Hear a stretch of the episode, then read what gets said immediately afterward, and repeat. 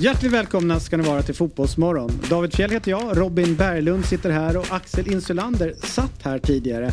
Och den här morgonen får vi besök av August Wengberg. Gais representant i det här fallet som hjälper oss att reda ut hur det kommer sluta i Superettan. Och sen dök han upp, mannen från Rynninge, Alexander Axén. Har även varit allsvenskan i helgen och han berättar om allt viktigt som har skett. Och sen tog vi oss till Bordeaux, John Cederblad. Ja, det är sorgliga scener som har utspelat sig i eh, stormötet eh, Marseille mot eh, Lyon va? Och sen dök Jonas Olsson upp ifrån ett soligt och väldigt exklusivt Manchester.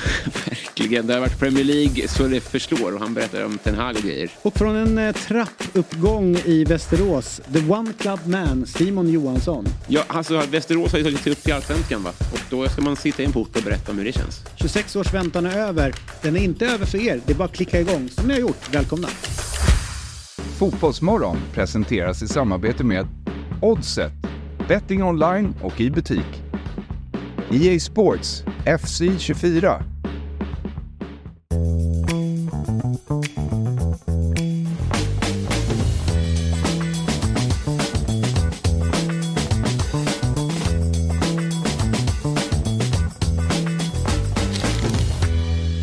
Hjärtligt välkomna ska ni vara till Fotbollsmorgon. Det är den sista dagen tror jag i oktober, eller har vi en till att jobba med? Eh, det är den 30 oktober och Ja. hur många dagar är det i oktober? Eh, januari, Ja, kan du göra den där? April, maj, juni, juli, augusti, september och det, det är en Det är dag en till. till. Ja, det är en dag till.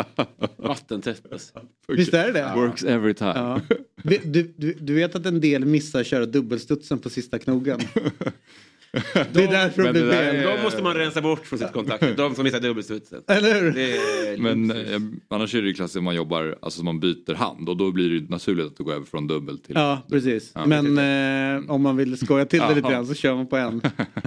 Välkommen Axel Insulander. Ja, tack så mycket. Är det första gången du och jag sitter tillsammans i Ja, Fotbollsmorgonstudion? Jag tror det. Jag tänkte också på det innan. Det måste Mm. vara det. Ja, det är helt sjukt ihåg. att min, min absoluta favorit på jobbet och jag inte har suttit tillsammans. Nej det är faktiskt jättemärkligt. Men Ja. eller, ja, det finns väl också en ganska omärklig förklaring till Ja, att jag brukar sitta där. behöver- Och du brukar också sitta Exakt, där. ja. Det är märkligt. ja. Hur känns det här då, en ny konstellation för dig? Men ärofyllt. Jag är glad att få ha så här kul och jag känner mig som eh, en blandning av eh, barnet som får hänga varannan vecka liv Just det. och någon form av fredsmöte. Båda. Ja, du är ju en, en man med en, en extremt härlig och bra repertoar.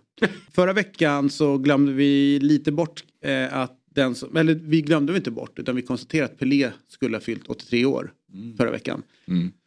Stort. Eh, den här veckan får vi ändå säga att om man säger att det, det är två sidor av ett mynt. Eh, när jag växte upp så sa alla eh, antingen så är det Pelé som är världens bästa Mm. eller så är det Maradona. Mm. Den här veckan fyller Maradona år. Ja. Och Eh, numera är det ju då världens andra och tredje bästa genom tiderna helt enkelt. Ja, det är det som är grejen. Jag vill ju inte ha Maradona nedanför Cristiano Ronaldo. så att jag säger att det är kanske den bästa någonsin eh, som, eh, som fyller år den här veckan. Då. Hur mycket av ditt liv går ut på att hitta de här små Messi-insticken? Mycket. Ja, det- Ja, jag brukar säga det till folk, det är en stor del av mitt liv. Jag, liksom, jag måste upplysa folk om att Messi är den största. Ja. Det, det är så Nej men så här, det är väl klart att eh, jag måste, rent fotbollsmässigt så kan vi konstatera att Messi är väl den bästa som har någonsin spelat fotboll. Punkt slut. Men eh, det som är coolt med Maradona det är ju att hela den här subkulturen och allting runt omkring honom i och med att han eh, var ju mer, alltså en, bräckligare själ. Mm. Alltså det fanns ju så mycket att, att älska när det gäller Maradona. Mm. Eh, Ja. Som inte på samma sätt var runt Messi. Messi var ju under några år, eh, ja, jag kommer inte ihåg exakt vilka år, men när han var överlägsen på ett sätt som vi kanske inte har sett innan. Mm. Jag kommer ihåg att Arsene Wenger sa efter en match som hade mött Barcelona att det var, det var tv-spel. Ja. Det gick inte att stoppa honom. Och sen när inte han gjorde någonting så fanns Iniesta Mm. som också flöt igenom, eller Xavi. Mm. Men liksom, det gick inte att få stopp på dem. Nej. Nej, och det håller jag med om. Det är ju en del av det att det känns som att Messi, det finns ju ingen som riktigt har, han har ju aldrig fått, velat eller låtit folk lära känna honom som person typ. Mm. Det, han är så himla i, han är ju väldigt sällan i intervjuer. När han gör dem så är han väldigt lågmäld och han är, känns ju fortfarande ganska blyg efter Mm. alla dessa år. Mm. Samtidigt som han har eh, kaptensbindeln i de flesta lagen har spelat för nu på senare år. Och ändå lett Argentina till ett VM-guld. Så det finns ju någonting Mm. där. Men jag har fortfarande svårt att säga, vem är han när han är privat? Och det, Maradona var ju så himla, bara, alla, alla fick ju lära känna Maradona. Ja. Han var ju bara, Och alla fick del av honom. ja, exakt. Nej men så att det, eh, det, det är svin... Eh, det som också är coolt med Maradona det är ju att eh, det här med när man namnger saker efter stora fotbollsspelare eller personer eller ja, i USA så får ju varenda jävla president ett bibliotek. Flygplats får de ju. Det också är viktigt att ha. Mm. Eh, man måste kunna resa med stil. Mm. Men finns det någon, något arenanamn eh, som är då eh, liksom namngiven utav en, en människa som passar bättre än eh, Diego Armando Maradona stadion i Neapel. Ja. Alltså det, det är liksom den perfekta matchen. Mm, Det hade inte varit samma sak någon annanstans. nej. Men här är det så, därför att hela, hela stan, hela laget, hela den regionen är ju precis på samma sätt som Maradona själv var. Mm. Väldigt liksom. Rörigt. Ja, verkligen. Nej, men det är väl, eh, man försöker tänka på arenanamn Mm. med eh, jag kommer bara på Karaiskakis-stadion i Aten. Mm. Du- Varför vet jag inte. Det är ju Olympiakos så jag ehm, vet knappt vem Karaiskakis var. Men... Ja, jag har hört det. Men eh, jag, jag tänkte på att hade det, tror ni att om Zlatan inte hade hållit på och tjorvat så mycket med, Malmö. med, med ja precis. Ja. Alltså Zlatan-stadion ligger ju mycket bättre i munnen. En Malmö stadion. Ja, det är typ samma, men Diego Armando Maradona, det är för, det är för långt. Ja. Men Men också är det ju, om man tänker i eh, några generationer bort så är det ju bra att det är ett långt namn för det är liksom på något sätt i, säger ju att det här var en viktig människa. Ah, för att man breder ut sig Ja. lite. Ja, just det. Man tar lite tid av folk. Mm. Och det förtjänar man. Hej! David Fjell här från Dobb. Jag vill tipsa om att Eurotalk är tillbaka som podcast helt fritt där poddar finns. Vi spelar in ett nytt avsnitt varje måndag. Så när du lyssnat klart på Fotbollsmorgon och vill höra mer om den internationella fotbollen så finns vi där och dyker ner tillsammans med dig, mig, Martin Åslund, Christian Borell och Marcelo Fernandes. Eurotalk finns fritt där poddar finns. Fotbollsmorgon är sponsrat av EA Sports FC 24. Hösten är igång på riktigt nu Axel. Vad tänker du på då? EA Sports FC 24 är nämligen här och det nya kapitlet av The World's Game. Glädjen är här Axel. Ah, Okej, men du tänker så. Samtidigt så vet du ju ändå någonstans att dina barn kommer ju vinna mot dig i FC 24 snarare än du tror. Ja, så kan det ju definitivt bli vad det lider. Men just nu är jag faktiskt vassare. Så låt mig leva på de villkoren så länge det varar. Okej, men eh, ska vi ta en match då? Vi kör AIK båda två och så möts vi på exakt samma villkor. Ja, mer än gärna. Jag som trodde att den stora glädjen redan hade kommit, men då ligger den ju framför mig. Eh, det ska bli väldigt fint att slå dig, även om det kommer bli konstigt då att tvåla dit Gnaget. Jag kan säga att jag har hunnit öva en del, redan slagit myggan till exempel och dina sparringspartners är ju inte så bra säger du, alltså dina kids.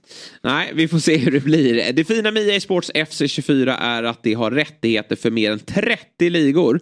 Där givetvis då allsvenskan är inkluderad. Eh, så finns även eh, Premier League, eh, Serie A, La Liga, Bundesliga, Champions League och många, många fler. Mm. Allsvenskan är dock det enda som betyder någonting för mig Jesper. Ja, vi kanske ska se till att mötas med några Champions League-lag också. City mot Real Madrid kanske. Mm. Ja, vi säger så och vi säger tack till EA Sports FC som är och sponsrar Fotbollsmorgon. Nu ska vi ta oss till mannen från Rynninge med bäst koll på fotboll och dart. Han är med oss varje måndag och eh, har blivit eh, en riktig institution här i Fotbollsmorgon. Och är väl en av dem i Sverige som gör mest för svensk fotboll och svensk dart. Vi säger god morgon till Alexander Axén. God morgon, god morgon. Jag har suttit här på hotellrummet i Göteborg och varit tokig för att ni pratar om massa spelare som eh, inte är i närheten av världens bästa genom tiderna. Är Matthew Letizier eller? Han är ju britten, britternas största genom tiderna, men eh, Johan Cruyff, helt överlägsen. Ja, du däremot så har jag en intressant grej där med dig som jag funderar på häromdagen. Om man eh, säger att Johan Cruyff kanske är den som har betytt mest för fotbollen, alltså både som spelare och sen som, som tränare. Och så har du ju Pep, det han håller på med nu efteråt. Så satt jag och tänkte på någon annan tränare. Men att eh, alltså, eh, spel eh, lång, i, mitt i banan relativt långt bak blir de bästa tränarna. Mitt i banan relativt långt bak. Mm. Xavi Alonso. Ja, han kommer bli svinbra. Pep Guardiola, liksom någon form av sittande defensiv mittfältare. Och Cruyff som ändå utgick från någon libero-position och, och liksom kunde göra sin grej. Han var ju för sig överallt. Han var ju så Ja, och det är därför jag säger att han är världens bästa David. Det är inte någon jävla Messi som aldrig behöver göra någonting bakåt utan bara går och väntar och ska dribbla och greja. Och Ronaldo som har gjort sin resa och Pelé har gjort sin och Maradona som fuskar med handen och sånt där. Här har vi en gentleman som spelar på alla platser. Du kan sätta honom på vilken plats som helst så var han bäst. Så det där är bara att lägga ner de här låtsasspelen ni håller på med nu. Liksom. Mm. Jag gillar dock det här shoutet för att det känns apropå den så här, att man har upplevt en spelare. Cruyff känns som man kan säga att man har upplevt. Alltså just med tanke på hur han revolutionerade ja, sporten. ja, precis. Han, har, Och Trots att han inte spelade så fick han man visade se. hur man vänder med bollen och Ja, sådana grejer. ja. Den, Det var ingen som har vänt tidigare, sen kom Cruyff och det gjorde är det en enda han stod vändning. och skrek som tränare också Axén. Ta Cruyff-vändningen! Otroligt att reducera Maradona till Maradona som fuskar med handen. Ja, ja, det är det enda han gjorde. Eller Tight Han är inte värd att nämnas ordentligt alltså. Han åkte fast för doping också. Jag vet inte hur mycket jag ska hålla på med. Och, och, Efedrin, så det var, det var inte så farligt. Men, men hur, mycket, karri- karriär, hur mycket har du Nej, stått och nött, eh, hur mycket har du stått och nött Cruyff-vändningen då med dina spelare i dina dagar Alec? Ja, det är åtskilliga kan man säga faktiskt. Men titta på DVDn! på det där också. Jag gjorde en liten twist på det där också. När man gör skottfinten, drar höger, att man flyttar den direkt med vänster för att man ytterligare ska få komma iväg lite sådär. Så att eh, det har gnuggats från Petersbergs grus till eh, Bern Arena, så kan man säga. Ja, nice. Ja, det är imponerande. Hör du, eh, apropå Bern Arena då. I, I Örebro så är det inte jättelångt egentligen då ner till, heter den Platinum, Platinum Platinum Cars Arena. Cars Arena? Otroligt. alltså en av de finaste namnen vi har på en fotbollsarena, Idrottsparken. Ja. Inte får heta det. blir Platinum Ja, Cars. nej, det är, Jag tycker det är vrålsnyggt. Platinum Cars. Det är ju supercoolt. ja, det är coolt. Det Ja. är jävligt coolt. Men där i alla fall så går Malmö och vinner med 1-0. Eh, vad säger du om den här matchen, Alec? Att det var en, en, en match med två halvlekar, som det så fint heter. Eh, första halvlek tycker jag att Norrköping var ganska bra eh, och, och chockade Malmö lite med sättet de spelade och kom ur press och vann bollar i press. Till att bli helt utskåpad i andra när Malmö var klart, klart bättre. Och eh, eh, jag sa till Per Hansson att inom sju minuter så gör Malmö mål och sen är det game over. Och det tog 6 och 45 vill jag bara säga där, innan det vart mål. De klockade i våran buss. Så att, eh, eh, nej men de, de har växlat upp nu Malmö. De såg riktigt bra ut igen tycker jag. Mm. Hörru du, eh, det är ju ändå så det är imponerande att vinna. Eh, jag hörde att Rydström också sa i paus att det är liksom inte mest, det är inte SM-guldtakter på, på, på spelet som visas upp och sådär. Ehm, om du jämför liksom lite grann, med, nu har Elfsborg matchen ikväll. Men var, var de är någonstans formmässigt lagen nu som tampas i toppen. var, hur, hur ser styrkeförhållandena ut? Jag tycker att Elfsborg också eh, steppade upp mot AIK och då, då kommer ju alla säga men vadå AIK hade ju 60, över 60 procents boll. Om det vill ju liksom Elfsborg att de ska ha. Utan de var effektiva igen, de kändes farliga hela tiden. Eh, så de har steppat upp, Malmö har steppat upp och, och Häcken är bara sorgliga just nu faktiskt. Så att eh, de tre var ju illa ute en period när jag tycker ingen var bra. Men jag, jag tycker nu att både Malmö och, vi får se Elfsborg ikväll då, har eh, studsat in i, i det här viktiga. Och Malmö framförallt ska ju göra det med sin kvalitet, eh, alla sina köp, alla miljoner de har lagt. Så det är klart att det är de här matcherna de ska steppa upp. Så att, att Isak Kiese gjorde mål, det var väl inte direkt eh, någon jätteförvåning skulle jag inte säga. Men eh, eh här visar man ju vilka som är bäst verkligen de här sista matcherna. Ja, hur viktigt tror du att, jag tänkte på det, hur viktigt tror du att det är att det var just Kristelin som gjorde mål inför de här två sista matcherna med tanke på hans torka? Ja, för Malmö var det skitsamma, men för honom var det hur mycket som helst. Och Att han är på Per Hansson som, har, varit kritisk mot honom efteråt, så visar ändå att han har mått rätt dåligt. Liksom. Och eh, Man såg också efter målet hur jävla glad han var och att han vann två, tre dueller direkt efter det. Så det är jätte, jätteviktigt att han fick göra det här målet för hans skull. För Malmös skull så det, det spelar ingen roll, bara man liksom gör mål och vinner. Så att eh, eh, det var viktigt för honom, jätteviktigt för honom. Såg en härlig ögonblicksbild när det där målet kom till. Eh, det är ju Eh, ja men det är ju slarvigt uppspel får man ändå säga utav Norrköping. eh, Och de bryter och sen så eh, får ju Tal i bollen. Mm. Han försöker slå en passning som sen blir blockad och sen får han den på knät och så Ja, går den precis. fram till, Mm. till Kiese Thelin.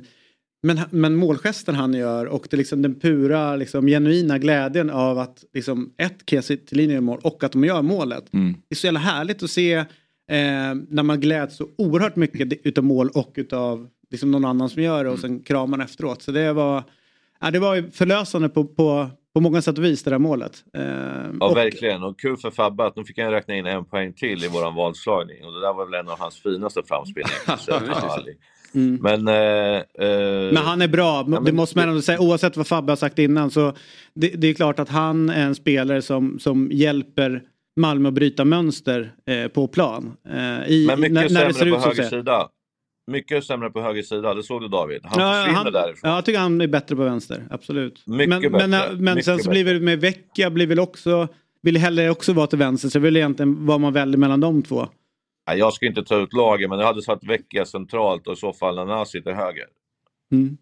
Jag fattar. Men strunt samma, de har bättre koll än det. Men, men det som jag alltid har slagits just för Malmö, eh, liksom av när jag har jobbat med det, det är liksom att de kan möta vilket jävla gäng som helst. Och publiken är så jävla glada när de är mål och, och liksom verkligen så här, vi är bäst. Och det, det är där jag tycker det är kul, som du säger, att de inte gör 1-0 och sen ska vara lite så här sköna att det är två som kramar om och de andra står och pratar om vad vi ska göra sen igen och så. Utan här verkligen riktig genuin eh, liksom, glädje när man gör mål. Det har de gjort hela säsongen och även liksom andra säsonger.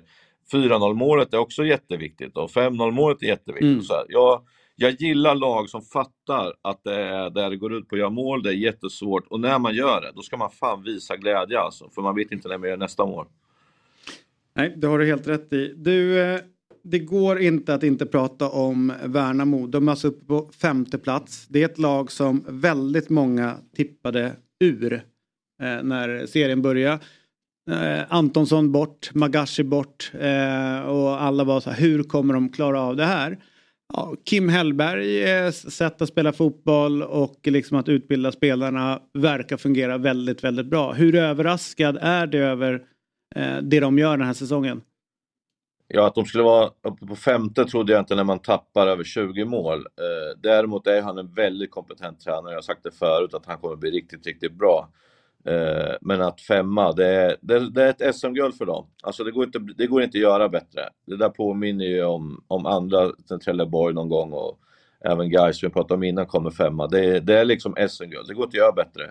Eh, det de har gjort som är viktigt, det ser ni på mittenraden på tabellen där. Väldigt få kryss. Mm. De vinner eller förlorar och det gör mycket poäng alltså. Det, det låter som att, om det fattar vem som helst, Mm. men det är många av de här bottenlagen, mittenlagen som kryssar alldeles för mycket. Och då hamnar det någonstans i mittens gegga där och sen så blir det så. Eh, de här kör lite och då ska man komma ihåg att de har varit lite svaga hemma faktiskt, Värnamo. De har ju varit som absolut bäst borta. Eh, men spelar ju jättebra fotboll och mycket bra spelare. Fått igång nu de där tre längst fram också så att eh, mardröm eh, för de som har kvar Värnamo säger jag.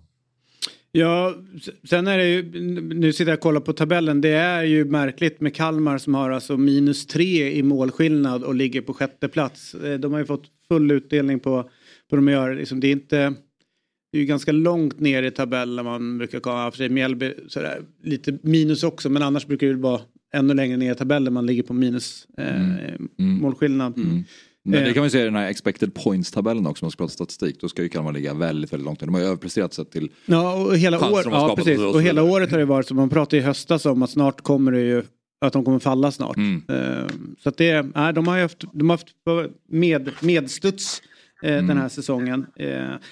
Spännande tänker jag också lite grann runt Mjällby och, och Torstensson. Eh, liksom, det är också ett lag som inför säsongen tappade viktiga spelare. Nu fick de tillbaka Bergström. Jag tycker att Torstensson ändå är, rätt, ja, men en av de mest vettiga känns det som tränarna i allsvenskan, ledarna på något sätt i, i sättet hur han resonerar kring sin roll. Alltså han, det är inte, säga, han är ganska långt ifrån de, den moderna tränaren som sitter och processar väldigt mycket med, med sin dator och, och så vidare. Utan det känns som att det är en gam, gamla skolans ledarskap, mångt och mycket. Och inget negativt i det. Nej, tvärtom. Han var ju ass på min tid. Så länge har jag hållit på. Och eh, var spännande, alltid trevlig. Så tog han över Mjällby och som vanligt då på ASS-tränare så tror de ju att de är genier på allt möjligt och bara i fel ände. Och vart ju jävligt tufft för honom och fick gå in i väggen och sparken och ner och börja om i division 2. Eh, jag tror att det, det går inte att förklara det, men jag tror att det var jätteviktigt för honom. Eh, vart han är nu, vad han kan och vad han ska göra. Så när han kommer upp och räddar kvar Mjällby så har han en helt annan approach och samma nu. Han behöver inte hålla på med allting utan han gör det han är bra på och sen litar han på assistenten och det. Det gjorde han inte när han tog över. Och det är det som är så konstigt att ASS-tränarna vill göra saker själva fast de har varit ASS just för att stötta upp en A-lagstränare. Och helt plötsligt ska de göra allt själva för de litar inte på någon. Men jag skulle lita på den, den assen om, om du fattar vad jag menar. Det blir mm. så konstigt. Men de, men de kommer oftast tillbaka om de, om de lär sig. Vad är det egentligen jag är bäst på? Vad är det jag ska göra? Och där är ju Torstensson riktigt, riktigt bra. Sen kommer han aldrig erkänna, han satt ju och ser och var raljant när jag sa att den här jävla cupfinalen betydde mycket mer än vad de ville erkänna under mm. den perioden när de inte riktigt fick till det. Och då ville han typ ge tillbaks till mig att vi vann ingen på åtta. Och det, det var ju där jag sa, gör inte som vi nu. Men eh, ja, han får göra som han vill. Men han borde ha fokuserat bättre. De borde ha gjort bättre i, i våras för att det är ett riktigt bra lag det där.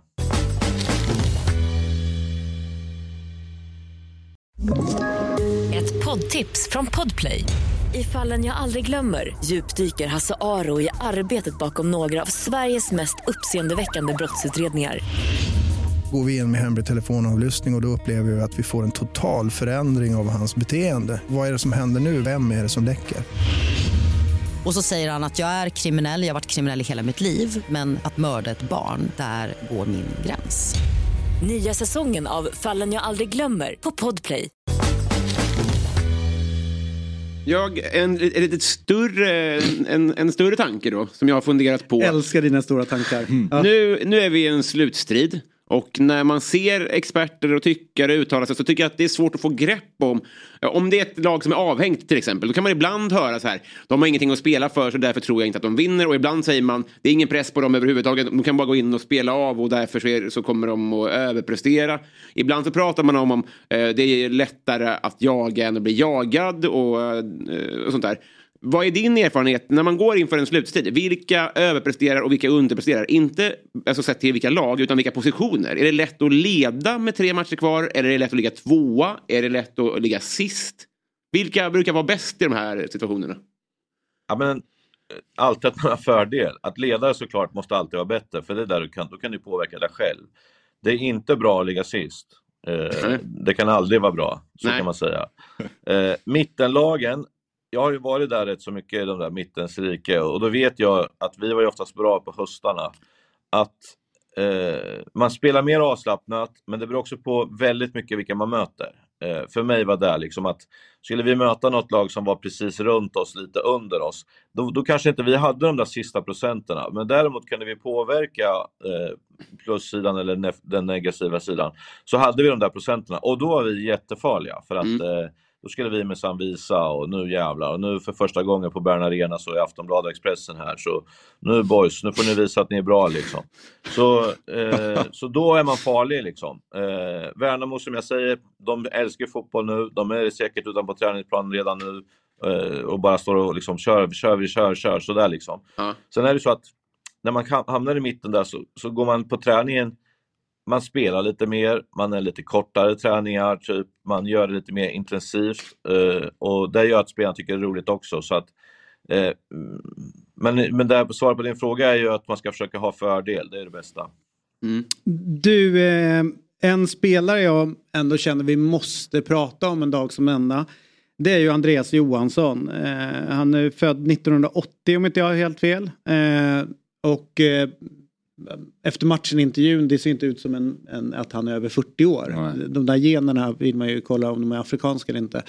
Mm. Eh, och eh, blir inte stressad. Eh, får vi ändå säga, hade, det, det kändes lite grann som att en senior mötte juniorer igår på mm. fotbollsplanen. Han hade full koll. Alltså Halmstad känner jag ändå har bättre spel, en, en idé av vad de vill göra när de spelar fotboll och åker till den, får man ändå säga, ganska svår bortamatch och är det klart bättre laget. Hur stor del utav Halmstads liksom, framgång kan man tillskriva Andreas Johansson? Man kan inte säga allt, för det är, det är klart att du har två riktigt kompetenta tränare ju. Men det är klart att han tonar ner sin betydelse igår när Nordin försökte säga det, att du är ju liksom den långa armen ut för tränarna och så. Att de bestämmer och sådär. Jag är helt övertygad om att han bestämmer jättemycket också. Därför att när man är på planen då har man bättre koll och han vet vad spelarna kan göra och kanske vad Magnus Haglund och Pelle Olsson vill göra. Och då kan han liksom, nej det går inte med det eller det går med det. Och så man får en jävla hjälp helt enkelt. Och i det här läget eh, har ju han varit med om sådana här saker tusen gånger. Både toppstrid, bottenstrid och så här. Han är inte superstressad när han går ut där utan ser verkligen möjligheten. Och jag tror att det smittar av sig på Halmstad för att Halmstad är klart bättre än AIK igår. Alltså de har en idé, de, de har någonting de gör. AIK, jag har sagt de sista matcherna, alltså de har ju noll, noll idé vad de ska göra när de kommer in på sista tredjedelen. Det är ingen som vet någonting och eh, en del spelare där är ju, ja, jag vet inte liksom. Jag vet faktiskt inte, jag vet inte vad jag ska säga. Nej, man måste ställa ganska stora frågetecken till kvaliteten på spelarna som, som har kommit in till AIK i relation till kostnaden. Mm. Eh, och, och, vi satt några och pratade om det. Senaste gången det var ett liknande läge för AIK det var 2010. Eh, Mm. när, när det liksom behövdes värvas in spelare. Då kom Helge Danielsson, Råp, Banguras. Alltså det, det kom in några där. Och lite samma 2020 men inte riktigt samma. Nej, inte riktigt kanske. så. Men där blev det ju en effekt på det hela och Alex Miller kom in och verkligen körde sin grej. Det var ju den gamla skolan men det var ju till 100% den gamla skolan. Och Nej. han förklarade vilka spelare som kunde köra och som skulle göra det. Och där berättade ju spelarna att vi kände en utveckling under, under han, tiden han var där. Mm. Eh, men jag ser inte utvecklingen. Kanske Tajari som har Ja. lyft lite grann under Henning Berg. Eh, Anton Saletros, utan honom så har AIK varit ur. Mm. Så att det är liksom, nej, jag, jag tycker att de inte alls fått träff på det sättet. Nej, jag tycker också det är provocerande så här, när man ser de bästa lagen i allsvenskan så finns det mycket som förenar dem i att de spelar ganska snabbt och det finns ofta tre centrala mittfältare. Det finns ofta yttrar som är snabba som blir sålda vidare. AIK värv, den här, det blir ju extremt den här säsongen för man vill bara eh, hålla sig kvar. Men man är så himla, det känns så bakåtsträvande i spelet och det finns ingen fart. Alltså hur ofta ser du en AIK-spelare ha bollen på kanten i ytterposition och utmana sin ytterback? Det finns inte. Det är en ytterback eventuellt som vänder upp och passar tillbaka och man kanske kommer runt någon gång. Men det, man, alltså det, det så här, gör någonting Och man ser fortare inte, och mer, och man ser inte, med mer mönster, nej, och energi. inte mönstret hur AIK vill spela. Ja. Det är det som är... Och nu har det gått så pass lång tid så nu kan man inte säga att det är precis i början utan nu börjar man ju tänka så här, har han ingen idé Mm. mer än det här? Är det här allt vi kommer få Mm. eh, under nuvarande tränare? Eller så säger Alltså han så hans här, jobb, jag vet eh, hans jobb var att rädda kvar och det ser han ju ut att göra även om det behövs en poäng till. Eh, så, så jag har ingen liksom mer än att fixa bara det och sen går det vidare liksom så. Men jag, jag håller med om att lagen brukar ju utvecklas när man liksom börjar fixa det om man säger. Men AIKs problem, säger jag, de sista 5-7 åren är ju farten. Mm. Det har ju inte funnits många spelare med fart i AIK. När alla andra går mot fart så går ju AIK gått mot något annat. Liksom. Eh, och, och det är ju för mig jättekonstigt. Att, att de ändå kan göra det så bra som de har gjort det. Trots att man inte har fart. Liksom. Och då har de ju levt otroligt mycket på sin defensiv och sen malt ner dem med fasta och sådana här saker. Men, men det är väldigt sällan du ser den. Och då blir det så här, 81 och han är hur bra som helst för han springer. Men han har inte träffat liksom, havet från en eka med sina inspel någon gång. Liksom. Men nu börjar han få bra träff på det där tycker jag. Men då är inte han Pitas med där inne utan då springer han och väntar på att det ska börjas om igen.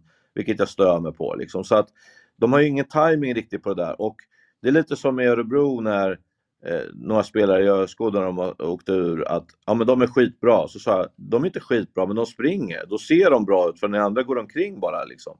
Och där känner jag liksom att AIK måste ta ett nytag med att man måste börja leta efter snabba spelare. De har inte gjort på 5-6 år. Liksom. Nej men om man kollar på toppen, alltså det är ju så här. Tali, Stefano Vecchia, i Elfsborg så är det Ockels, det var Ondrejka, du har Bernhardsson, i Häcken så har du såklart eh, Sadiko Traoré som nu är sålda men Lars Olden Larsen var ju där innan. Alltså, alla stjärnorna och de bästa spelarna har ju alltid varit de som driver upp anfallen längs med kanterna. Så nu blir det väldigt specifikt där. Men jag håller helt med om att så här, den typen av spelare är ju också väldigt försäljningsbar. Så det är ju stra- strategiskt smart att gå den vägen. 100 procent tusen tack för den här morgonen. Vi ska rulla vidare ner till eh, eh, Frankrike med anledning utav eh, attacken på Lyons spelarbuss. Så att vi ska gå från eh, eh, vänliga och kärleksfulla allsvenskan till någonting annat i Frankrike. Ja, det var en rolig eh, trio det här och jag älskade Robin och att du får spela lite mittenrollen nu gillar jag. Fri roll i mitten, det, det passar dig perfekt. Eh, Cruyff. Cruyff ja. ja. Det är en jävla kvalitetsskillnad när, när Fabbe brukar sitta där i alla fall. Där kan ja.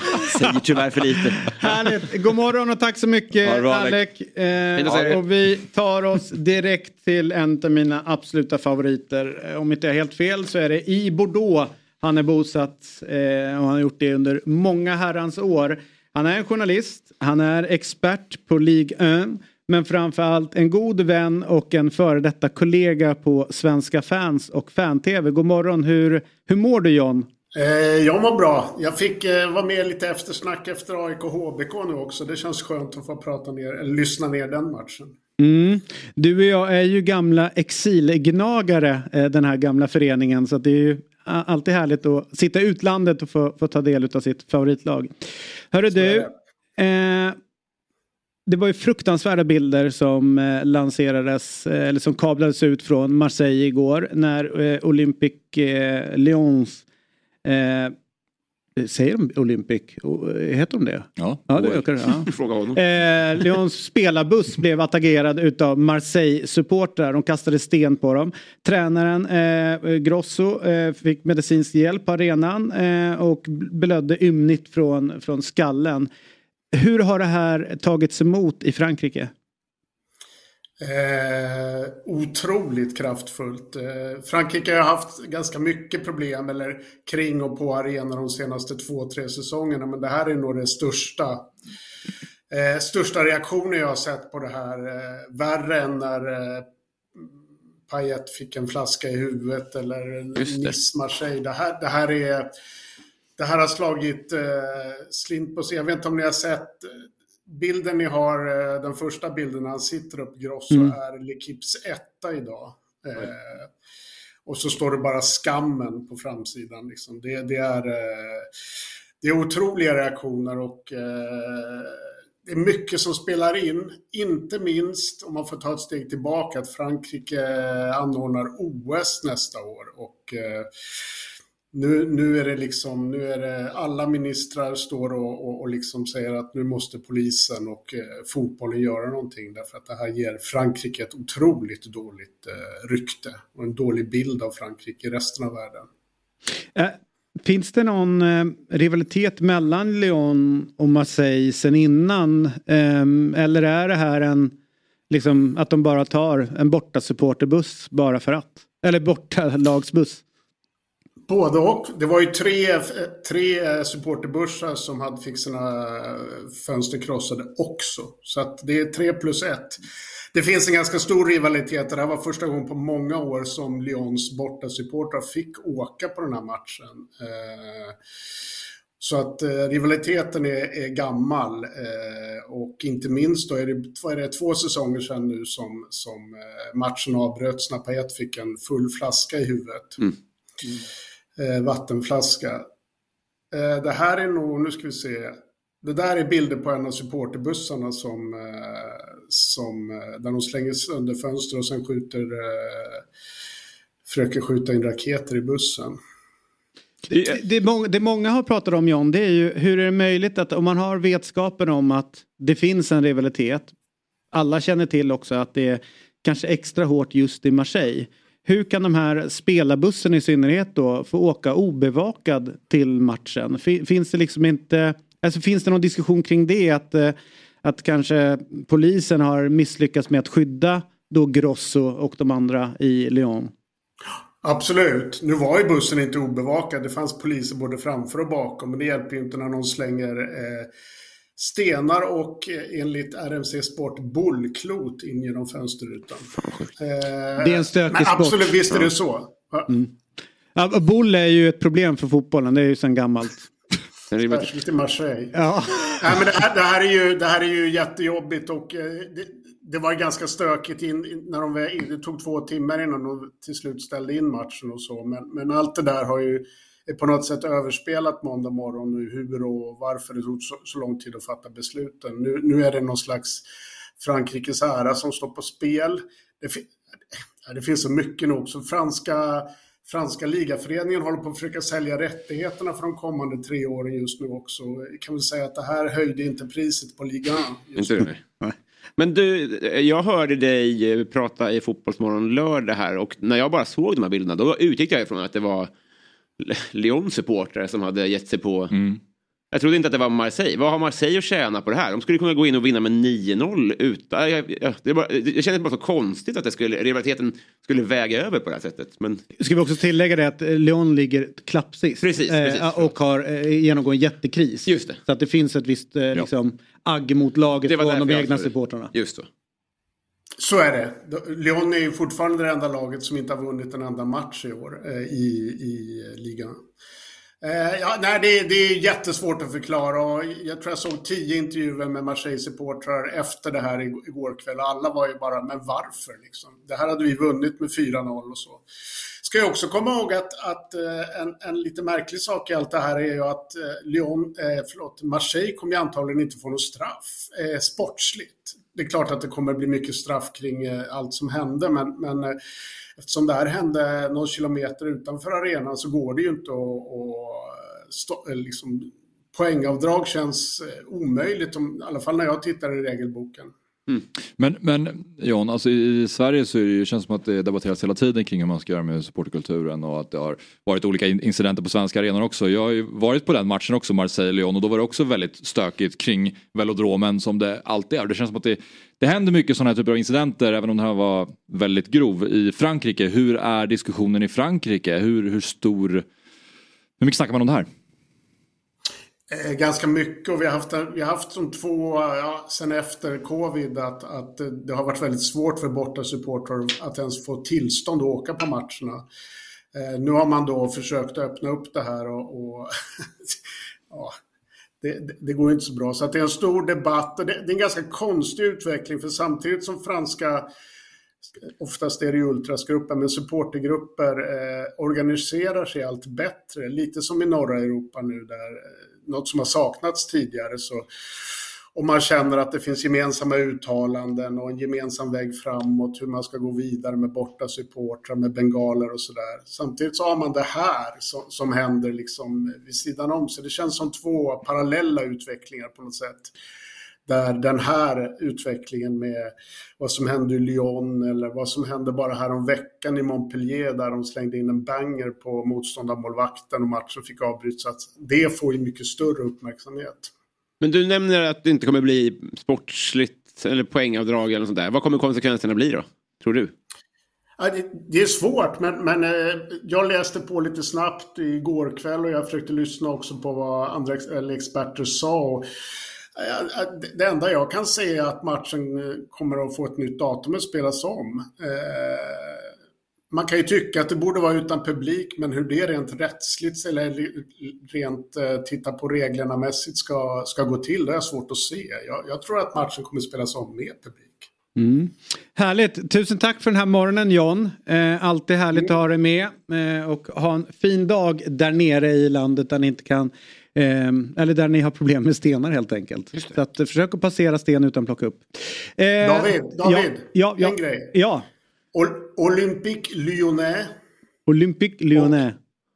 och Olympique de Marseille. Ah, Olympique de Marseille. Det är samma sak som Atletico de Madrid. Exakt. Ja, har vi det. Tackar. Tack för. AIDK. Ja, AIK-DK. Ja, precis. Härligt. Tack så mycket. Hej då. Hej då.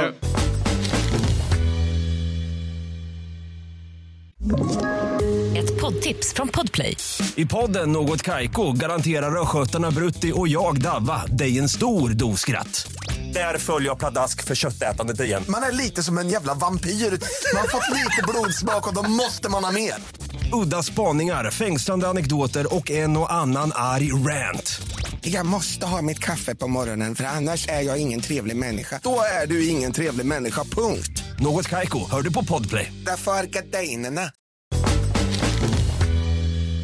Vad är en måndag utan myggan egentligen och vad är en måndag utan att myggan kommer in med 13 rätt? Nej exakt, Det är så, helt jävla så funkar det för tiden. Ja. Blir, och galet nära en galen utdelning också. Ja det va? var väl det, var det som var det tråkiga, det var, eller tråkiga fel ord, men vi som eh, satt på den lappen hade väl 600 000 i 72, 72, 73 det är 400, liksom 71 100 och sen stannar vi på vad det nu var, 50, 46. Men ändå en Nej, bra utdelning. ja, jag, Och, och du är het.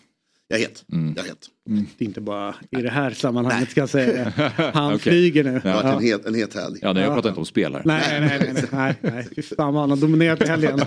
Det är Enormt. Men det är right, Lennings-Janne, du var där. Ja, men är inte de helgerna lite eh, överskattade? Alltså, det är för ladd, mycket laddning där. Jag tror att det finns, alltså det, det, det är inte så längre. Utan folk lever ju på någon form av kredit.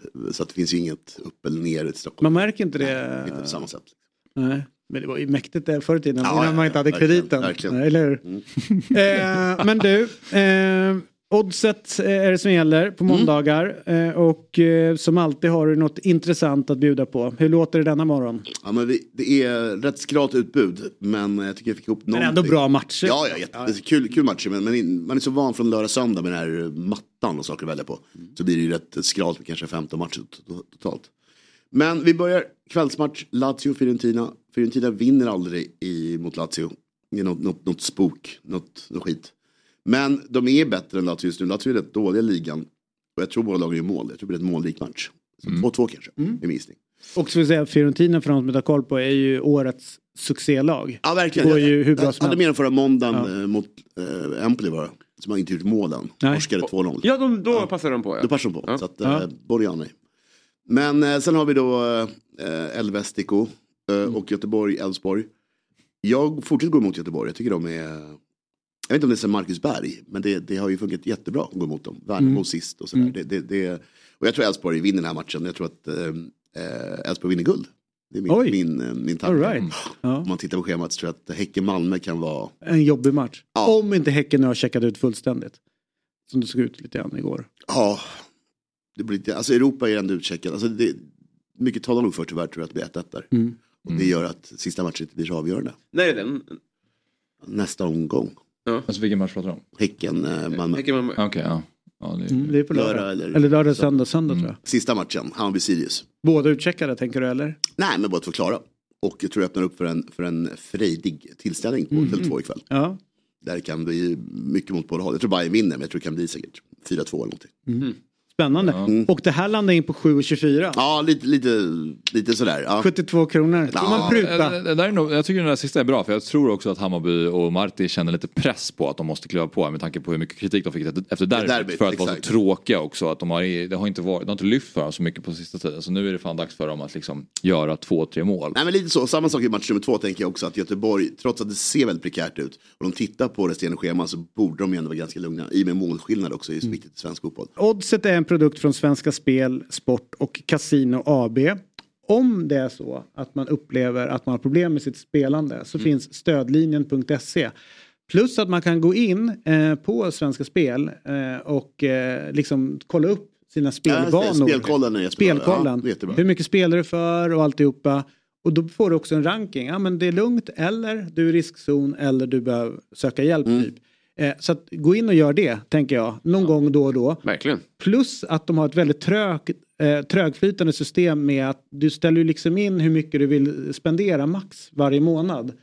Där kan man inte hålla på och byta hur som helst utan det ligger liksom, lagt kort ligger väldigt Mm, jag mycket. tror det är också lite byggt på så inkomst och sånt. Ja, är exakt, som man har gett in innan så man kan liksom eh, aldrig säga sticka iväg. Så att, eh, in där och liksom gå runt på, på den, de delarna utav Mm. sidan också. Jag Man- skulle säga tack till Svenska Spel för att de hörde av sig och grattade. Det var väldigt snällt av dem. Mm. Och nummer två att det är jackpot nästa vecka. Då, i Ja. Vi var så många på 13. Exakt, så nästa vecka kanske jag kliver in. Mm, kanske sex Premier League-matcher Ja. snackas det om. Till England då. Alldeles strax så ska vi ha med oss eh, en av de eh, mest kunniga experterna på den engelska fotbollen. Men först då, ehm, såg ni hur nära Anthony Elanga var att göra ett jävla drömmål eh, på, på Anfield? Eh, det, alltså hela, det kommer alltså inlägg från högerkanten och Anthony Elanga kommer liksom till vänster sida in i straffområdet. och från en minimal vinkel ska jag vilja säga och sjukt långt ner mot kortlinjen så drar han ett volleyavslut som går undersida ribba och sen ut. Vinkeln sa ju rätt mycket för det gick liksom nästan ut i inkast. Ja, Alltså, så det väldigt Ah, parallellt. något Men det hade blivit ett alltså, monstermål Ja, om den hade gått in. verkligen. Men vilket Sen har han ju bra- till avslut till som var så här, men bara snabbt ursäkta Ja, avbryta, nej. men han såg ju, jag tycker han, men han det stegen han var- ändå har tagit lite grann Nej, han- i bra. Nottingham. Det blir tufft, alltså, jag, och det är inte någon Liverpool-grej, men det blir tufft. Han är så jäkla liten när han ska vara ensam anfallare. Mm. Eh, I en så stor liga, i Premier League, alldeles för stora och starka. Det blir så, så tydligt bara. Känns synd, synd om honom. Ja men det, men man tänker mer att man ser ju eh, så framsteg som gör att han Ja, ja, ja, men verkligen, liksom verkligen. tänker några år framåt. Verkligen. Vilken jävla mm, supertalang man har Mm. där i vardande. Eh, eller en storspelare i vardande. Ja. Absolut. Ja, han är duktig. Innan vi pratar vidare med det så ska vi ta ett snack nu med Jonas Olsson som är på plats. Denna vecka, mina damer och herrar, har han alltså lämnat värmen på eh, Mallis. Mallis. Och tagit sig till... Nej, nej, nej. Och tagit sig till metropolen, om inte jag har fel, eh, Manchester. Ja, men Ja. eh, redan här ser man att eh, eh, Pintorp hade ju, det var ju riktigt Novotel-härva. Ja men det här är också Novotel. Nej, här är- här är- Eller är här är det Sheraton? mer Ser du den här Sheraton? svamp, liksom, det här, ja exakt. Ja. Det, här är, det här är aningen steget upp. Ja, vi får, vi får väl kolla det med. Ja. Eh, God morgon Jonas Olsson. Först innan vi går in på det viktiga med fotboll och sådär. Så tar vi det mest viktiga. Bor du på ett Novotel eller är det så att du eh, liksom utklassar Seymours kommentatorer och experter med att bo lite bättre och tjäna lite mer? Jag bor på något form av Hilton, men det det, det är eh, Doubletree heter det. Så det är deras lite så här lågprisvariant. Så det är väl det är det, lördags, det, eh, är i linje med Novotel. Jag, jag är ledsen, jag är Men, men, jag, jag Hilton är Hilton. tror Adam var hemma va, när ni pratade med honom? Nej, nej, nej. nej. Då var han på Säker på plats. det? Nej, Han nej, var mellan två. Champions League-matcher. Ja, Mm. okej. Ja, Nej, nej, ja, för ja. fan. Det var... Det var väldigt snålt att skicka hem honom över natten. Ja, det var. Och väldigt dyrt. Ja. Nej, men den här lyxhemmet du har sett i Johan Kücükaslan. Okej. Det är... Eh, Som en via direktreklam. ja, det var helt vitvitt. Otroligt skarpt ljus. Och leendet nyfixade gaddar Ja, också. Är det är helt enormt. Men du, eh, Old Trafford igår. Eh, hur, eh, hur upplevde du derbystämningen? Ja, det, den, var, den var ju otrolig. Alltså, kontexten var ju också med Sir Bobby Charlton. De, de hyllade honom innan matchen. Och med tanke på att United resultatmässigt också har gått bra de senaste, senaste veckorna med vinst i Champions League, vinst när de vände matchen mot Brentford. Så förväntningarna var där. Och eh, jag tyckte matchen i första halvlek också levde upp till de förväntningarna. Då var det, även fast City var ett lag som, som var bättre, som eh, dikterade matchen, så United bet ifrån och hade chanser. Och sen i andra halvlek tyckte jag det var, det var klasskillnad. Det var fint tycker jag i veckan att se om det var efter matchen eller innan matchen när eh, Pep Guardiola gick ut och på något sätt försvarade Ten Hag. Och, och liksom sa liksom vad, vad håller ni på med? Det här är en duktig fotbollstränare, låt han bara fortsätta att arbeta. Hur ser du på den massiva kritiken som ändå liksom riktas mot honom nu? Ja, men så, jag, jag, jag är inte den som skriker för att tränare ska eh, jättemycket kritik med dem. Men, men i det, som sagt, låt honom fortsätta jobba. Ja, men då måste du också säga att han jobbar någonting som ser bättre ut och någonting som är tydligare. Det man såg igår, mötte man visserligen eh, ja, världens bästa lag i mitt tycke, liksom, men det var ju inget som antydde att man är längre fram. Det är inget som antydde, trots de här segrarna mot Sheffield United, mot Brentford, mot, mot FCK. Det är inget som säger att United är på, på rätt väg, tycker inte jag. Kritiken är ju rimlig också mot Ten Hag med tanke på att han har fått värva i princip vad han vill. Nu i sommar liksom med mycket pengar för Höjlund, Mason Mount och Nana. Innan det Anthony Malaysia. Han, han har ju fått i princip nycklarna till, eh, till klubben och, och fått göra vad han vill. Men man är ju inte längre fram. Det är ingen hävda som såg matchen igår eller som har sett United den här säsongen att man är, att man är på väg mot någonting som, som kommer ta tid att bygga. Man är, tycker jag, mer identitetslös än, än, eh, än vad man var för ett par säsonger sedan. Innan matchen så blev det ju en liten grej på sociala medier vilken katastrofal backlinje som Manchester United skulle ställa upp med. Och då tänkte jag på eh, dig som tidigare spelare. Vilket är ditt tydligaste minne när du har klivit in i en match och vet att här, vi kommer få stryk med 8-0 idag. Alltså när man har vet, alltså jag förstår att man på något sätt vill, vill eh, tänka positivt och gå in i stridsmode. Men när har du som mest tänkt vi kommer att förlora idag? Men aldrig har jag gått in och, vi, vi brukar hedga för det då om vi möter City i med som vi hade fem middagar på planen. Vi hade ju den lyxen att kunna sitta tillbaka och kunna, kunna göra det. Eh, vi, liksom, det var ingen bevisbörda på oss när vi mötte den, den typen av lag. Den, den bevisbördan ligger ju oavsett om United möter City. Men när man spelar hemma på Old Trafford, ja, men då kan du inte bara sitta tillbaka.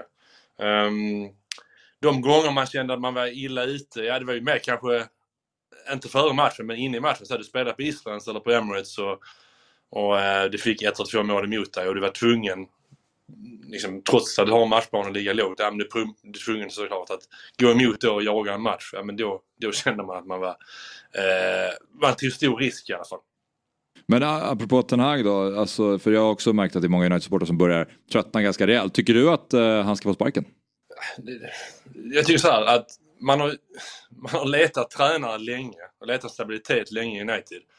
Eh, jag tror inte det gynnar att byta tränare igen med tanke på att han har fått köpa in de spelarna han vill som, som sagt för, för väldigt dyra pengar. Men låt han få lite tid med dem. Men det måste ju kanske vara en utvärdering och kanske måste vara en, en kravställning på men vad är det vi ser? Vad är, vad är, vad är tydligen? Vad är det du vill bygga med det, det här laget och de här spelarna? Eh, det tror jag snarare. Sen är det ju, som, menar, alla som följer United, där är, där är så många andra frågor som är uppe i luften med, eh, med ägarfrågan, med eh, ja, men så här, hur man måste investera i organiskt i klubben med Carrington och Trafford. Det är många grejer och många delar i, i den här klubben som, eh, som är uppe i luften. Men jag tror inte att det gynnar i nuläget i alla fall, tycker inte jag, att, att ta bort tränaren. Men du måste se någonstans var, vart han vill och vart han är på väg och det tycker inte jag man har sett den här säsongen. Det, det som också sticker ut lite grann med Ten Hag det är ju behandlingen av Jadon Sancho. Vad som händer runt det. Som ändå värvas in som en storstjärna. Eh, många klubbar mm. ville, ville ha honom. Och nu är han ju inte ens välkommen att byta om i eh, A-lagets omklädningsrum utan, och får inte träna med A-laget och sådana saker. Du som gammal spelare, eh, Jadon Sancho är ju liksom en i gänget och var en i gänget och sen får den här behandlingen av en tränare. Påverkar det någonting? Och påverkar kanske relationen mellan spelare och tränare? Jag tror det när du sen inte backar upp det med resultat. Som alltid liksom att gör du, gör du rätt resultat, men då kan du ha då kan det vara eh, liksom, när du inte gör det, när kritiken kommer, ja men då letar du själv som spelare också såklart eh, syndabockar. Du letar ansvarsförskjutning. Och då landar man i ja men varför, varför är alltid eh, tränaren i, i luven på någon? Den här gången är det, är det Jens Sancho. Förra året var det Cristiano Ronaldo. På försäsongen så var det att ta armbandet från, från Harry Maguire. Du behöver ju inte de här konflikterna i en situation där du får kritik från alla håll. Så jag tror att du känner som spelare att alla, alla är emot oss. Från media till supportrar. Då behöver du inte mer eh, disharmoni i truppen. Du behöver inte mer konflikter. Så jag tror det stör när, när, eh, när det blåser den typen av motvind som det gör nu.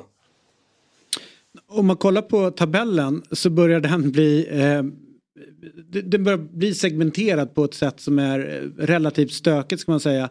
Efter Aston Villa ner till Newcastle så har du fem poäng. Eh, och sen så rullar det där ändå på ner och sen så har du efter, vilka är det som ligger på 10 poäng? Är det Bournemouth och Nottingham? Så har du den liksom. Gänget. Mm. Det, det gänget, att det varken börjar bli ett treskikt utav det här. Eh, hur problematiskt skulle det vara om det verkligen börjar cementera sig på det här sättet? Så pass tidigt som det ändå är. För Uniteds del menar du? Rent generellt för ligan. Eh, liksom, och det är, det är några tunga lag som ligger under om man säger, den absoluta toppen. Och där har du ju United, där har Chelsea. Brighton som alla pratar om är ju inte där uppe utan verkar bli ett mittenlag i år igen. Men att, att det liksom, är du, okej okay, vi vänder på det. Är du överraskad över att Aston Villa är ett av lagen som sticker iväg?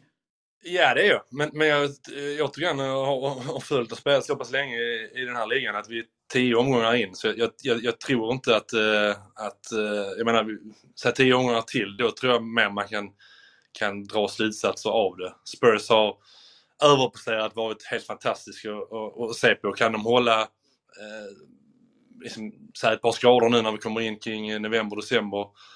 Tveksamt tror jag. Brighton, Ja, de, de, så här, jag tror också vi har kanske lite högre förväntningar på Brighton och Newcastle än, än på, på, grund av att de var så bra förra året. Jag tycker att de, har, de är där de är ungefär. Jag ser på den här tabellen och tänker att eh, ja, ta, bort, ta bort Chelsea kanske ta upp dem lite. Annars, så- det, är- det är ganska rimligt. Alltså, jag känner att, ja men Luton, Burnley, Sheffield United, de, det är de tre sämsta lagen tycker jag när man ser prestationer. De, det är nykomlingar. De, de har eh, stora problem med den här ligan. Och när man tittar eh, på toppskiktet så, så är det så också. Det är rimligt att City och Arsenal är där igen. Tottenham med sin nya tränare har gjort det otroligt bra. Liverpool har liksom smugit med på något sätt. Eh, så jag tror att den är, utifrån vad jag kände inför säsongen så är den, är den ganska rimlig. Jag tror inte, jag tror inte eh, vi kommer ha någon säsong där, där det är segment eh, på det sättet. För jag- man, man ser liksom alla olika lagen i toppen. Jag menar, det var, det var, bara ta matchen igår. Det var därför liksom frågor kring City. Ja, är de på gång nu? Var, var är de i form? Ja, de visar med tydlighet att de kommer vara där uppe. Eh, de är titelutmanare givetvis i år igen. Liksom. Så att, ehm, eh, vad var din fråga? om Villa, om Villa Ja, är- men alltså för det, men det- jag tycker det, det har ju pratats väldigt mycket om Brighton och det, det är Serbi, det är en sexig tränare, det är nytt och han gör någonting och det är Newcastle med sina pengar och sådär. Men någonstans, eh, jag läste, om man tar årstabell och inte säsongstabell så är Aston Villa bästa eller näst bästa Ja, de, laget. det var det i alla fall ett äventyr. Ja. Ja. Så att det, det de håller på med är ju helt enormt. Mm. Den, är liksom, den prestationen och det som håller händer med laget. Men det pratas inte om det på samma sätt för att det inte är en tillräckligt sexig tränare på det sättet. Eller de spelar tillräckligt sexigt. Nej, alltså de har haft menar? lite för mycket bottennapp. Alltså, de har haft lite, eh, som du ser på, Ja. på poängen, att hade de lyckats hålla tätt hela vägen så hade det varit mycket mer prat om dem. Men eh, Newcastles problem har ju varit också ett väldigt svårt schema som Mm. är dem, eh, i jämförelse med de andra lagen. Sen tror jag också, alltså jag tror jag ändå det handlar om det. Alltså, säg att de är där efter 20 omgångar av Villa, då kommer det pratas om dem. Brighton, egentligen samma sak förut. Ja, man pratade om dem, men det var också för att de hade ett sätt att spela under, under Serbi som, som var, eh, eller som är, otroligt attraktivt att titta på. Men det handlar också om att göra det över tid. Ja, de har gjort det över tid, Villa då i form av ett kalenderår. Men kan man göra det 20, 20 omgångar in på en säsong, ja men då är man med på riktigt och då bör man diskutera, ja, men kan de nå en Champions League-plats, kan de nå en Europaplats? Så att jag tror det är det som, som eh, det handlar om i det fallet. Men lite kittlande tycker jag med Aston Villa är ju, och du har ju full koll på det som du har bott i Birmingham. Det är ju Englands näst största stad eh, och liksom om du kollar faciliteter, arenan hur Aston Villa, den är ju liksom en av de vackraste liksom exteriört. Eh, det är ett jättestort fotbollsintresse i hela Midlands. Hur viktigt skulle det vara för fotbollen där om, om de lyckades etablera ett lag i toppen av allsvenskan? För Aston Villa är ju ett av de stora lagen. Men alltså, Du fotbollen är stort. jag fast- Vad sa jag rätt? Du sa allsvenskan. Ja, förlåt. Inget- Eh. I, i toppen av Premier League. Ord. Eh, men eh, liksom, du har ju varit i det området. Hur liksom, fanatiskt intresset ändå är där. Ja, det är en otrolig fotbollsstad. Och jag tror, precis som du säger David, att jag tror det, det, kan, det är det viktiga. Att man hittar, såklart historiskt sett så är Villa den största med, med, med tanke på 80-talet och Europacupen där. 82 var det väl. Men, men jag, de har liksom tagit marknaderna från varandra under, under, den, eh, under 2000-talet. Med liksom West Brom då som, som, som, eh, som var uppe länge i Premier League och Wolverhampton nu. Eh, så jag tror att det är viktigt att det utkristalliseras ett, ett tydligt topplag, ett tydligt största klubb i, eh, i Midlands eller i Birmingham. Och där är ju Villa historiskt sett och, och kanske ni också. Det, um, ja, där skiljer sig Birmingham från till exempel Manchester, Manchester, Liverpool och, och London, även fall ja, jämförelsen med London kanske, kanske haltar med tanke på den storleken. Det måste man ändå säga att det har pratats om dem. Alltså de går ju inte helt i i skymundan. Alltså, nej, nej, men, men det inför är med- halleluja som är De Serbi och Brighton. Nej det håller jag med om. Det, det är mycket mer snack om att Ja. Brighton är liksom the next big thing. Men Unai Emery och alltså de värvningar som de har gjort med Pau Torres och Thielemans med flera, Ollie Watkins spottar i mål, det är ju ändå eh, det känns ju som att de är där för att stanna. Jo, men Kanske kolla inte... vad, vad de var när han tog över. Ja, alltså nej, från ja, Gerard absolut. och den resan han har gjort. Mm, är- Absolut, men jag upplever bara att folk börjar mer och mer Mm. bekräfta att den här resan är på riktigt. På något, Och han gör det bra i Europa också som han alltid Ja. gör, så det är kul att se. Men du, vilket är det största laget i Alltså historiskt sett så var det ju eh, Aston Villa, du pratar eh, med, med 80-tal och Big Ron och alltihopa som hände där och, och de, de profilerna som fanns. Wolverhampton har ju liksom ännu längre tillbaka så var de the shit liksom så. Men vilket är stadens lag i Birmingham och sen har du ju Birmingham alltså, med, med namnet Birmingham som finns därifrån. Ja. Jag tror att alla, matcher inte, alla matcher är inte derbyn heller, eller hur? Alltså, jag har förstått det som att Wolverhampton till Villa, det är liksom en dynamik. Birmingham, Jag kollar ju rätt mycket eh, Championship. Och det blir väldigt rörigt för mig som utomstående förstår Ja. vilka matcher som är viktiga där. Ja, exakt. Men man kan väl säga ganska förenklat att det är ju ett, eh, ett tydligt innerstadsderby.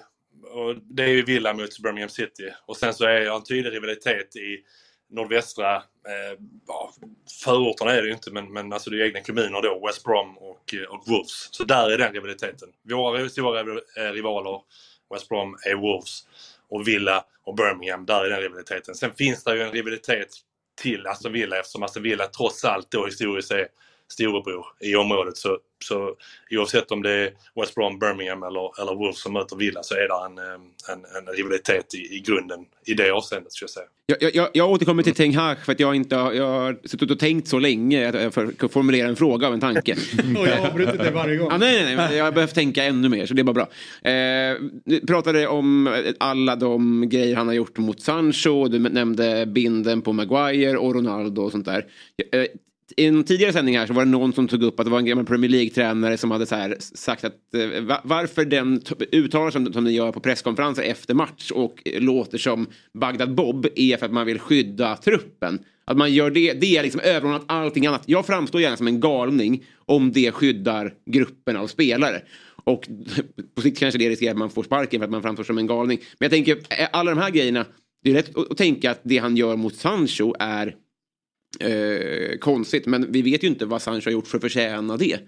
Alltså kan man ibland som utomstående vara lite för hård? Jag skiter i Ten Hag och om han jobbar kvar. Men kan man som utomstående ibland bli lite så här enögd kring att de eh, agerar irrationellt när det egentligen kanske är svinrimligt att göra sig av med Ronaldo och dra binden av Maguire?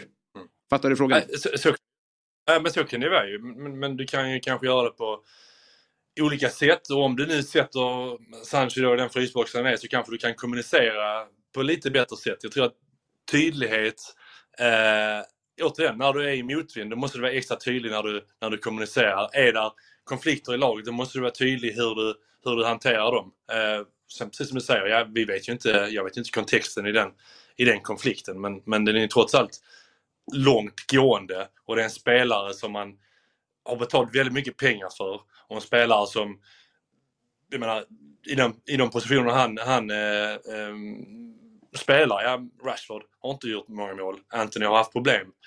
Så McTominay leder liksom den inhemska eh, eh, skytteligan. Då någonstans, om du tar bort en sån spelare och låter den konflikten pågå så länge, då får du vara tydlig också med ja, var den kommer från och hur du ska lösa den eller var, vart, den, vart den är på väg. Du kan inte bara sätta honom i en frysbox och sen lägga locket på samtidigt som du eh, förlorar matcher och, och inte gör mål. Där, där tycker jag någonstans landar man ändå i att Ten Hag inte har skött den eh, delen på, på ett eh, sätt som man förväntar sig av en, av en tränare för United.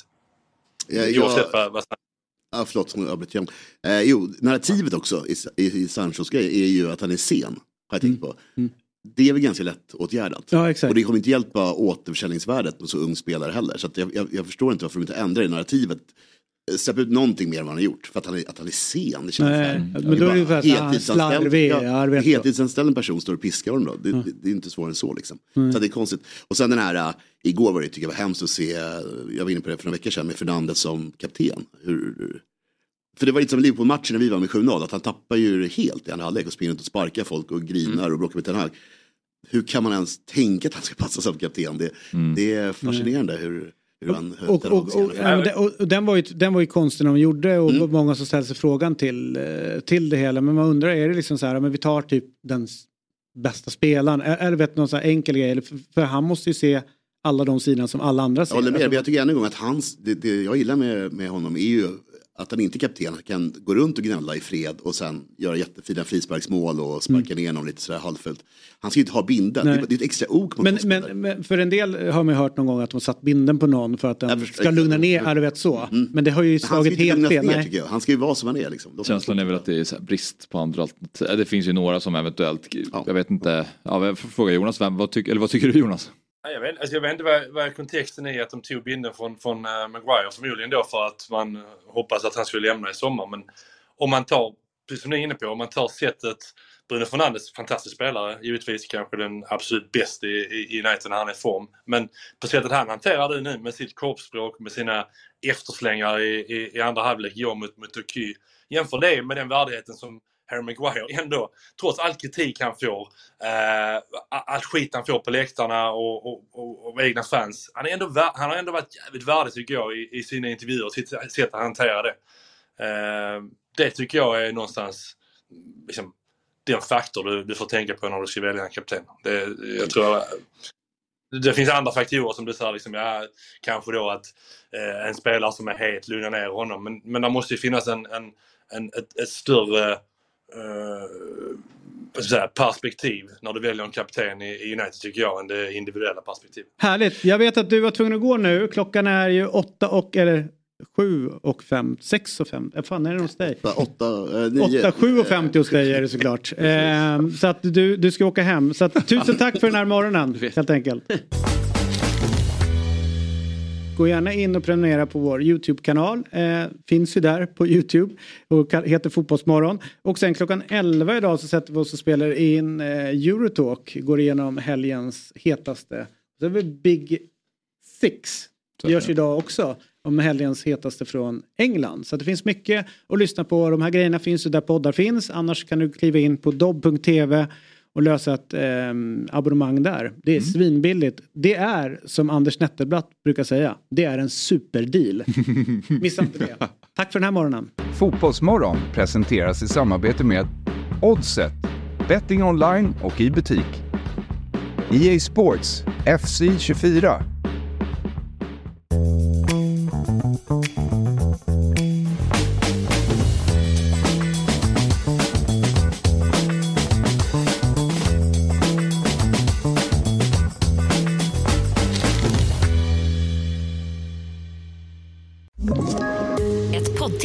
Podplay. I podden Något Kaiko garanterar östgötarna Brutti och jag, Davva, dig en stor dos skratt. Där följer jag pladask för köttätandet igen. Man är lite som en jävla vampyr. Man har fått lite blodsmak och då måste man ha mer. Udda spaningar, fängslande anekdoter och en och annan arg rant. Jag måste ha mitt kaffe på morgonen för annars är jag ingen trevlig människa. Då är du ingen trevlig människa, punkt. Något Kaiko, hör du på Podplay. Därför är gardinerna.